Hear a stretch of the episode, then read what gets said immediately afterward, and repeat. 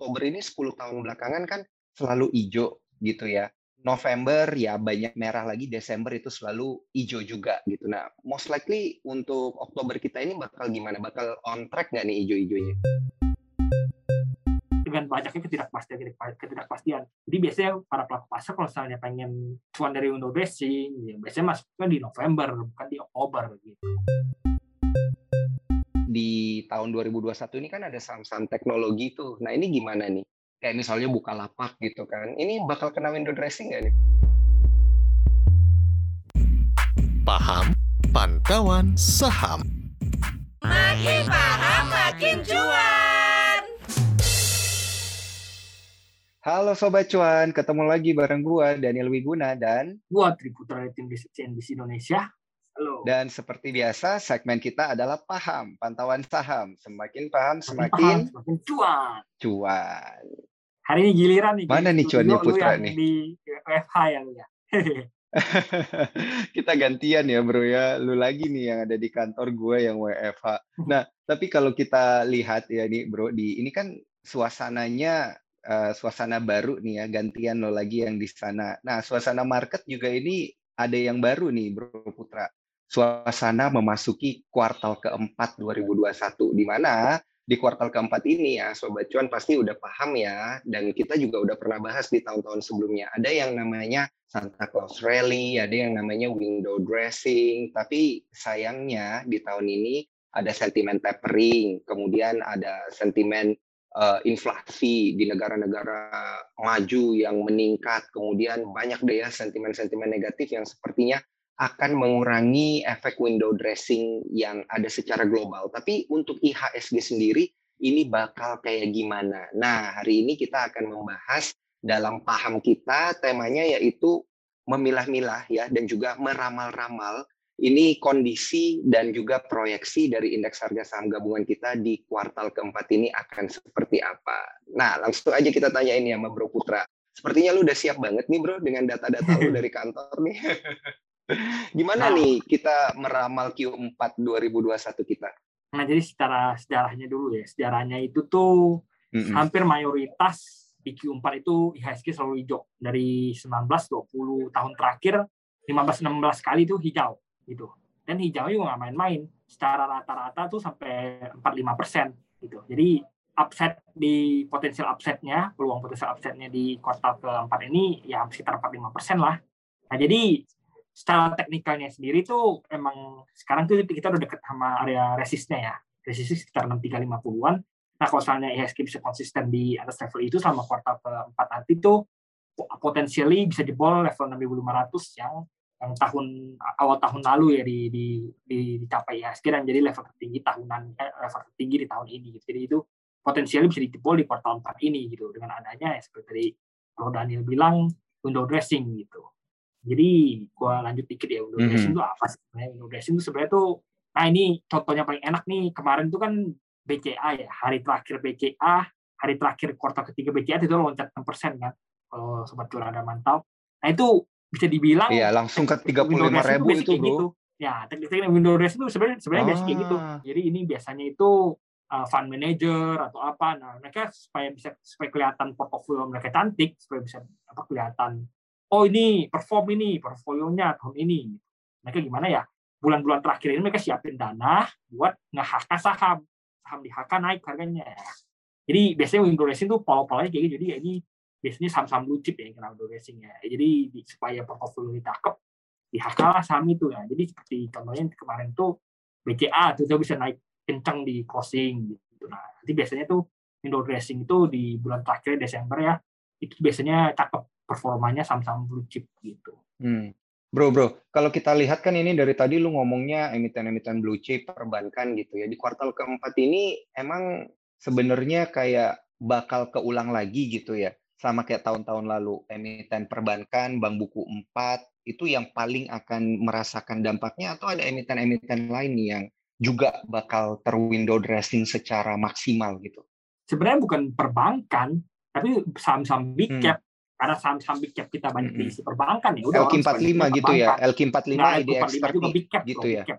Big cap. Kalau LQ45 kan Hmm. sesuai indeks gitu. Jadi yang punya fund manajernya Q45 misalnya indeks indeks apa misalnya mutual fund index Q45 oh nggak peduli dia nggak mau window dressing biasanya ya aktif fund biasanya melakukan window dressing gitu yang pasif nggak nggak gitu peduli sama ya, window dressing apa sekali kan tugas mereka cuma buy saham doang gitu buy lalu nanti tunggu saat yang keluar mereka sell Nah, yang punya aktif portofolio biasanya melakukan window dressing. Jadi di menit-menit akhir, hari-hari terakhir, minggu-minggu terakhir, di harga saham berhijau gitu.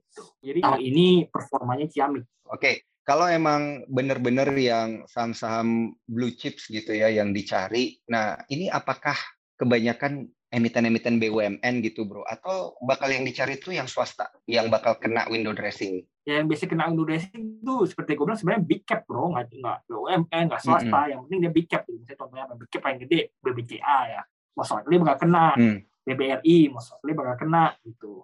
Lalu Telkom yang walaupun dia hmm. non perbankan tapi dia big cap kan gitu ya. Most likely bakal kena. Jadi saham-saham yang big cap big cap ini yang fund-fund gede biasanya pada masuk itu most likely bakal diangkat gitu menjelang penutupan tahun akhir tahun ini gitu. Dan ini memang secara historis hmm, sudah terbukti berarti dulu, dulu, dulu tuh gitu. Uh, uh, berarti emang bukan dari BUMN atau swasta gitu ya. Kalau memang dia itu blue chips, dia akan kemungkinan besar terkena window dressing. Nah, ini kan kalau lu ceritain secara keseluruhannya. Kalau kita pecah sedikit nih bro dari bulan ke bulan. Katanya September ini kan biasa emang jadi bulan yang merah, tapi ternyata di 2021 itu jadi hijau. Nah, kita masuk ke Oktober. Oktober ini 10 tahun belakangan kan selalu hijau gitu ya. November ya banyak merah lagi, Desember itu selalu hijau juga gitu. Nah, most likely untuk Oktober kita ini bakal gimana? Bakal on track nggak nih hijau-hijaunya? Nah, untuk Oktober ini sebenarnya tuh most likely nggak hijau-hijau banget. Gitu. Jadi 20 tahun terakhir itu sekitar 12-13 persen itu 12 13 kali itu hijau. Jadi sekitar 60-65 persen dari 20 tahun terakhir itu Oktober hijau. Gitu. Dan memang banyak pelaku pasar tuh kalau mau cuan dari window dressing masuknya di November gitu. Jadi Oktober itu cuman kayak yang orang mau pengen curi start gitu. karena apa karena tiga bulan itu terlalu panjang bro karena banyak masih banyak ketidakpastian di market apakah nanti bakal ada corona ses apa wave ketiga ya. Lalu bagaimana kabar tapering apakah akan tapering lebih awal itu nggak tahu juga. Lalu ini kasus kagak bayar kemarin overgrande juga mungkin mempengaruhi market. Jadi tiga bulan itu tuh terlalu panjang dengan banyaknya ketidakpastian ketidakpastian. Jadi biasanya para pelaku pasar kalau misalnya pengen cuan dari window dressing ya biasanya masuknya di November bukan di Oktober gitu. Oktober cuma kayak orang-orang yang pengen turistat ya. Kalau masuk pengen nyicil doang nggak banyak gitu Hmm, makanya polanya kayak gitu ya. Berarti di Oktober itu kayak orang curi start, dia udah terlanjur hijau, udah terlanjur tinggi. November dijual lagi waktu koreksi. Di Desember orang pada koleksi lagi gitu ya, sampai di pertengahan Januari. Bener nggak sih? Ya kalau misalnya lu memang lebih aktif ya, tanda kutip lebih aktif ya, lu masuk dari awal bulan ini, nanti akhir bulan lu jual, Desember longsor, lu bisa ambil lagi di bawah. Gitu. Jadi misalnya lu pengen amannya aja, kenapa? Karena seperti yang gue bilang, ini kuartal tiga selama tiga bulan terakhir itu penuh ketidakpastian ya lu tunggunya di Desember. Dan memang secara historis tuh memang orang nyeroknya di, di Desember bro di Desember nyerok sampai minggu ketiga Desember atau sampai jual di market close tahun ini gitu. Jadi biasanya kayak gitu. Atau misalnya pengen Januari efek ya paling telat lu jualnya di week pertama tahun depan gitu. Jadi ya ada ada lu pengen ikut window dressing ya ada tiga tiga timeline buat jual satu minggu sebelum market close tahun ini, waktu market close tahun ini atau satu minggu setelah bulan Juni, Januari dimulai, bulan Januari dimulai gitu. Hmm, gitu gitu gitu ya, menarik menarik menarik. Nah, kalau kita lihat kan tadi juga di tiga bulan ini lu bilang terlalu banyak sentimen yang masih bikin kondisi kita di Q4 ini belum pasti. Tapi berdasarkan track record itu memang lebih akan lebih banyak ijo-ijonya gitu ya. Nah, di Q4 ini kalau lu lihat secara keseluruhan ya digabungin nih antara sentimen dan juga perhitungan bulan yang mana hijau mana merah gitu. Kita lihat dari sisi sektoralnya. Apakah kalau di IHSG kita itu akan lebih banyak ditopang dari perbankan lagi gitu untuk tiga bulan ke belakang ini? Atau sektor-sektor turunan udah mulai bisa gerak? Kayak misalnya kita lihat pertambangan gitu kan yang udah mulai terbang-terbang. Properti nih udah mulai terbang-terbang juga nih bro. Gimana menurut lo? Kalau menurut gua sendiri sih memang yang merajai Q3 nanti most likely perbankan, pertambangan masih bakal main ya, masih belum masih apa most likely masih belum bakal bisa gas apalagi untuk jangka panjang ya tahun depan masih bisa oke tapi untuk kuartal tiga mungkin masih akan lanjut kalau nggak cenderung naik gitu satu tapi sideways cenderung naik gitu nah, untuk properti sendiri sebenarnya masih kalau menurutku masih agak berat ya untuk properti itu kan turunan mm -hmm. terakhir ya jadi masih agak berat ya mungkin bakal manggung yang model-model teh perbankan ini perbankan yang paling potensi paling potensial manggung paling tinggi ya perbankan maupun bukan potensial gain tapi potensial yang bakal manggung di kuartal 4 itu paling tinggi memang perbankan kenapa karena big capnya perbankan gitu Hmm, oke okay, oke okay, oke okay, oke. Jadi karena memang strukturnya seperti itu ya. Nah, kalau misalnya kita lihat salah satu emiten-emiten yang terkait yang jadi saham big cap gitu ya di tahun 2021 ini kan ada saham-saham teknologi tuh. Nah, ini gimana nih? Kayak misalnya Bukalapak gitu kan. Ini bakal kena window dressing nggak nih? Pasti para sobat cuan ini pengen tahu nih. Bukalapak barusan ini... menjadi emiten bakal kena window dressing nggak? Bukalapak sebenarnya udah udah banyak dikumpulin fund ya. Banyak banyak fund yang beli, banyak banget fund yang beli terutama fund-fund asing ya. Jadi most juga bakal ada kena window dressing di kuartal terakhir ini gitu.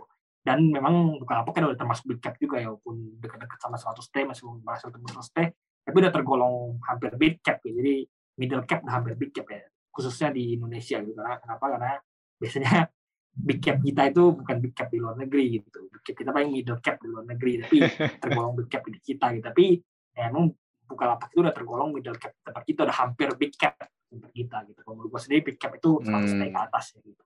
Oke, kalau kita langsung deh, langsung deh ini bro. Tadi kan kita sudah lihat secara makro gitu ya, kondisinya gimana, datanya gimana. Nah, dari sisi sektoral juga lu udah bilang perbankan. Sekarang gua mau coba pilih salah satu sektor nih. Infra gimana nih di Q4 nih? Banyak yang bilang bakal terbang-terbang nih, karena memang dari beberapa waktu belakangan ini kita lihat emiten-emiten infra nih banyak diangkat nih kayaknya nih ya kalau infra-infra gitu ter tergolongnya middle low ya middle low di bawah di bawah gocap mm -hmm. 50 t gitu jadi ya untuk sentimen itu apa Indonesia ini nggak gitu banyak gitu itu kalau pengen berharap dari 2022 kan kita tahu apa anggaran infrastruktur mulai naik lagi ya 2022 ya ya lu bisa berharap dari situ walaupun memang sebenarnya masih jauh dari harapan ya anggaran infrastruktur kita tapi kan ke depannya kan nanti kan ada SWF apa segala jadi nggak usah mengharapkan dari anggaran lagi gitu. Tapi ya sebenarnya masih masih jauh jauh dari itulah jauh dari harapan sebenarnya. Walaupun sudah lebih baik gitu daripada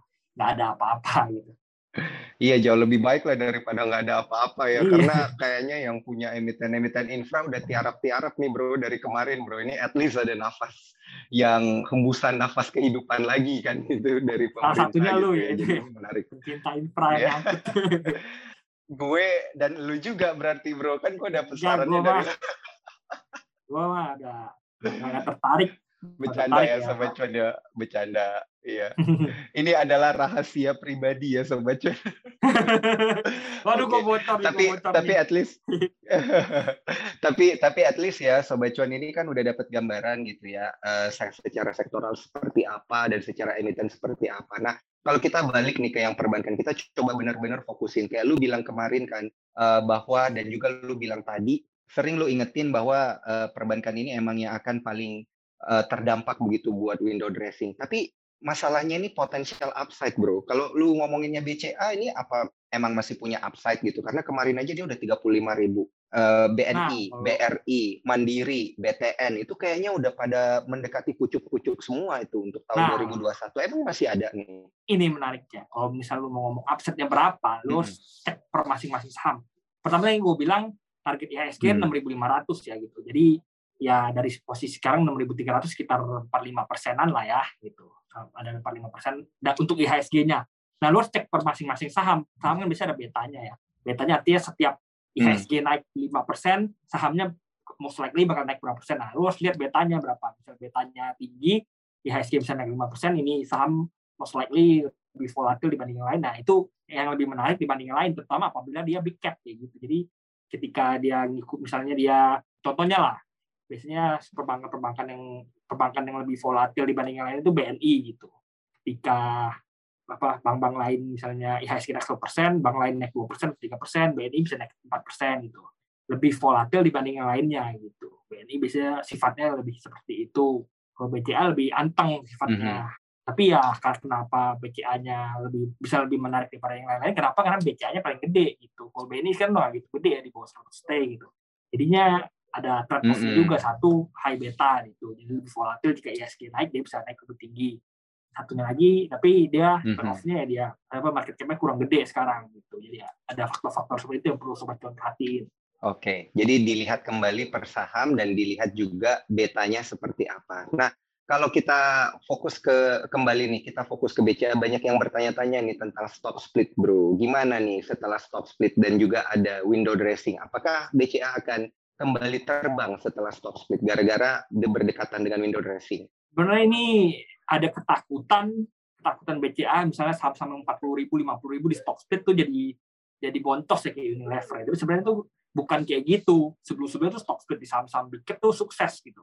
Kenapa Unilever yang enggak sukses ya? Karena Unilever sendiri yang satu udah kemahalan dua tuh dia ya emang kinerjanya so-so aja di tengah pandemi ini gitu. Jadi ya kalau misalnya saham-saham yang kinerjanya oke di stock split tuh most likely harganya bakal naik gitu. Udah banyak banget contohnya Saratoga, tower-toweran, itu kan semua di stock split harganya terbang, stock split harganya terbang gitu. MTech itu MTech kan big Hmm. juga, ayo. MTech di big cap di stock split terbang juga tetap terbang gitu. Jadi ya apa sebenarnya bukan masalah ini di stock split lalu longsor ya Unilever itu cuman anomali kenapa karena kinerjanya yang sosok saja dan memang harganya juga udah mahal gitu. Hmm, oke oke oke oke. Balik lagi ya, berarti kita harus melihat ya masing-masing sahamnya seperti apa gitu, kondisinya gimana dan juga eh, keuangannya di masa pandemi ini ya, fundamentalnya jangan lupa juga ya dilihat oleh sobat cuan. Nah, kalau bank-bank big cap seperti itu, bank digital apa kabar nih, Bro? Bank-bank yang juga kemarin banyak yang kawin-kawin ini apa kabar ini nanti di kuartal keempat? Karena kan kita tahu ya di awal tahun mereka yang lagi manggung gitu ya, bank-bank digital. Nanti di akhir tahun seperti apa? Nah, sebenarnya nih bank digital lu menarik banget ya di akhir tahun ini. Kenapa? Karena ini udah tenggat waktunya harus menuhin POJK yang konsolidasi perbankan di mana jika dia bank yang punya modal inti di bawah 2T harus penuhin sampai 2T. Jadi masih ada beberapa bank yang menarik dipantau ya untuk sobat cuan lihat beberapa udah RI dan nggak ada standby bayarnya itu nggak menarik artinya. Nah masih ada RI tapi sudah diumumkan standby bayarnya itu menarik untuk dipantau atau masih belum mengumumkan RI gitu. Jadi ini masih menarik dipantau nih mau ngapain dia nantinya jadi gitu. Jadi kesulitan sobat cuan ingin tanda kutip eh, berjudi dan berjudi ya gitu. Kan karena kita kan nggak tahu ya, standby bayar. Jadi sebenarnya ini lu berjudi gitu. Ya silakan tapi ya harus tentu saja misalnya nantinya standby bayarnya jelek ternyata atau tidak ada standby bayar malah ya udah lu harus siap-siap cut loss gitu jangan sampai lu hold hold dengan harapan Hmm. ini harapan itu gitu jadi ya kalau emang sobat cuan ingin berspekulasi ya jangan bilang berjudi nanti nanti ditangkap OJK kalau bilang berjudi kalau pengen spekulasi di saham-saham bank Putra ya cari Pak yang ya, putra yang berjudi satu, Pak. cari yang satu itu modal inti di bawah 2 triliun, kedua masih belum ada pengumuman siapa standby bayarnya, lalu baru baru mau mengumumkan RI atau baru mau rups RI gitu. Jadi yang masih dekat-dekat ini bakal ada RI atau misalnya ada aksi korporasi Ah. lainnya gitu ya. Ini perlu menarik diperhatikan. Sedangkan yang udah Nah, daripada daripada yang lu kasih clue-clue tanda-tanda gitu, udah stop stop menarik lagi nggak ada langsung aja. Bro. Apa? Pick stop pick langsung aja nih. Bank digital yang masih janganlah bisa jangan disebut di sini lah. Sobat gitu ya. sendiri kan masih banyak itu bank-bank di bawah 2T ya sobat cuan bisa apa screening Mhm. sendiri lah gitu kan dari dari, dari awal tahun Ah. udah gue sering sebut ya bank-bank ini bakal menarik ini semakin mendekat ke akhir tahun tuh sebenarnya semakin menarik tuh dilirik gitu Ah, beberapa harga berarti berarti tinggi sobat cuan kita ini masih masih menarik. ah, berarti sobat cuan kita ini perlu perlu dengerin lagi episode paham kita yang sebelumnya itu ya bro ya. Yang ngomongin tentang bank-bank digital itu ya. Iya itu dari dari dulu belum manggung kan udah gua kabarin gitu. Ini bank-bank ini udah bakal disebutin gitu ya. Manggung. iya udah gua eh kalau duluan. emiten-emiten teknologi dan data center gimana nih akhir tahun ini bro?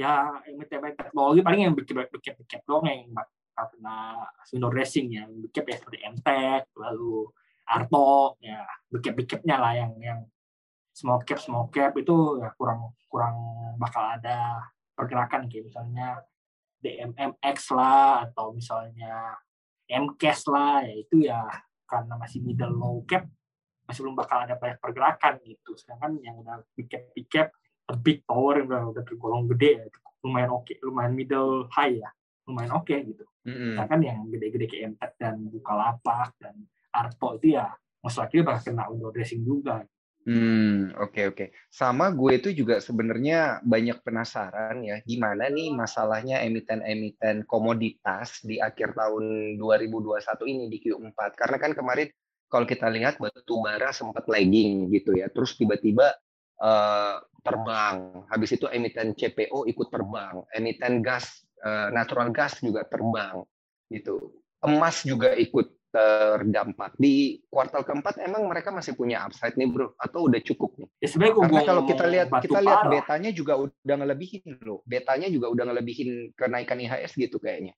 Enggak, kalau mau ngomong batu bara sebenarnya ceritanya masih panjang bro, nggak cuma sampai akhir tahun ini sampai tahun depan mm -hmm. masih batu bara gitu. Lu bayangin ya Adro aja baru buyback gitu, sekarang aja baru buyback. Terus dia, dia buyback ini harus dijual, menjual ke siapa? Masih jual di harga bawah ya, most likely best tahun depan masih bakal bisa naik masih upside-nya masih masih jauh gitu nggak cuma di tahun ini kalau mau hold sampai tahun depan masih oke okay, gitu. Hmm gitu. Jadi kalau beli beli tahun ini tahun depan di hold di hold ya di hold misalnya lagi harganya di atas nih pucuk itu masih nggak apa-apa gitu maksudnya bro?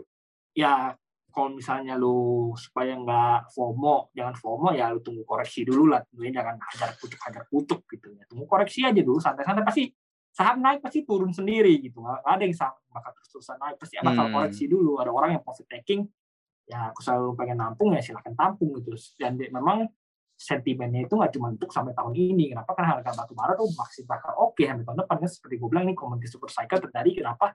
Demandnya itu kurang apa demandnya itu perlu banyak gitu. Sedangkan supply-nya itu terbatas. Ya hukum pasar ber, itu hmm. apa terjadi harganya tembus 200 gitu. Kenapa ya karena supply-nya cuma sedikit, demand-nya gede. Gitu. Hmm. Menurut lo emang batu bara di akhir tahun masih bisa terbang lagi nih sama harga komoditas yang lain gara-gara faktor cuaca lah, demand lah, apalah?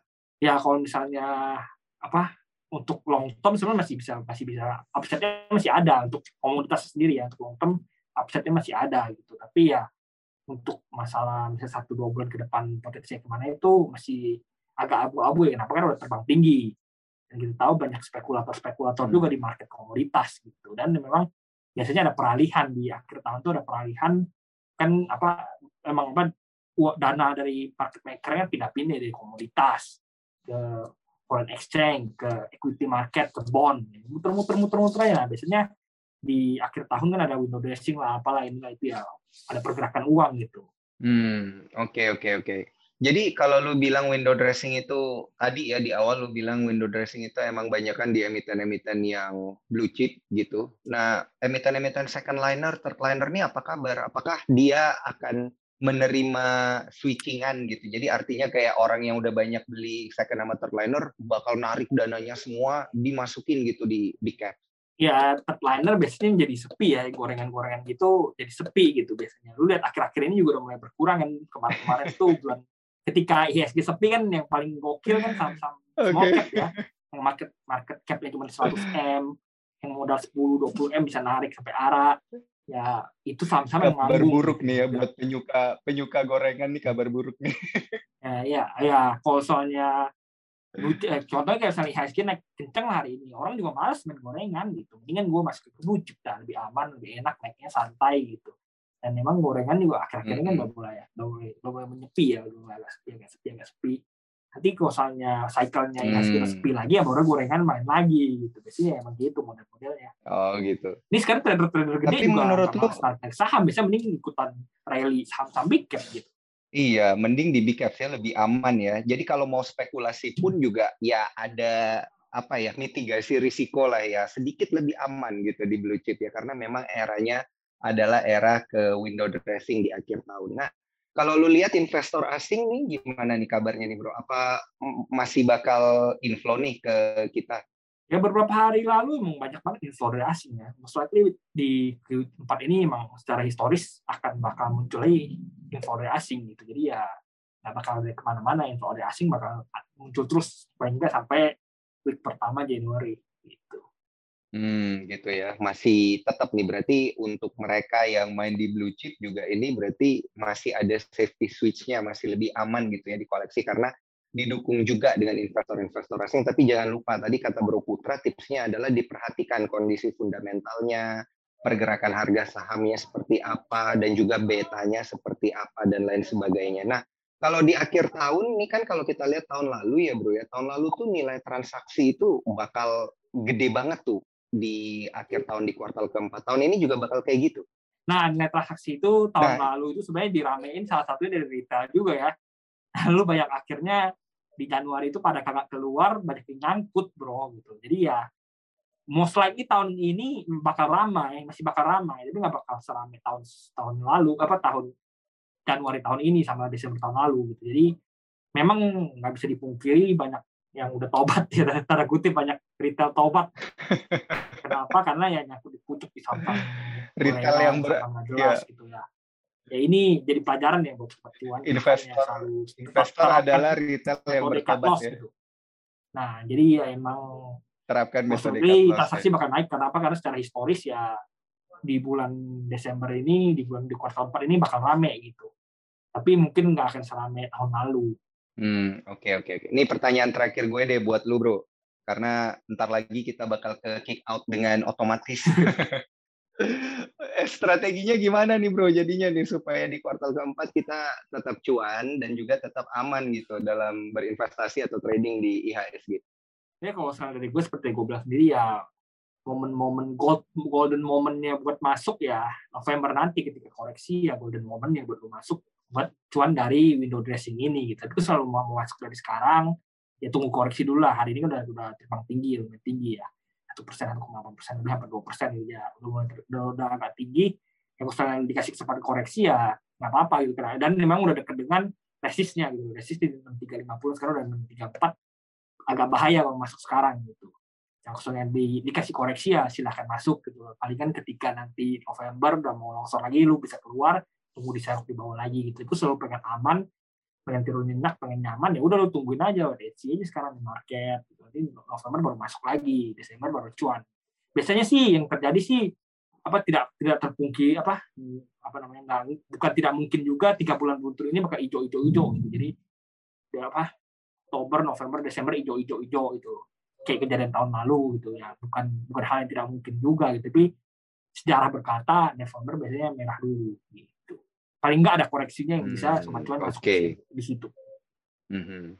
pokoknya pada intinya sobat cuan ini sendiri juga harus ngerjain PR-nya ya riset sendiri ini kita selalu mengingatkan sobat cuan gitu ya karena tentunya keputusan trading atau investasi pada akhirnya itu adalah tanggung jawab pribadi daripada Sobat Cuan. Oke, thank you banget Sobat Cuan udah dengerin konten kita setiap hari Senin. Paham, pantauan saham semakin paham, semakin cuan. ya Jangan lupa tetap dengerin konten kita di Spotify Cuap Cuap Cuan, Apple dan juga Google Podcast, dan juga follow Instagram kita di cuap underscore cuan.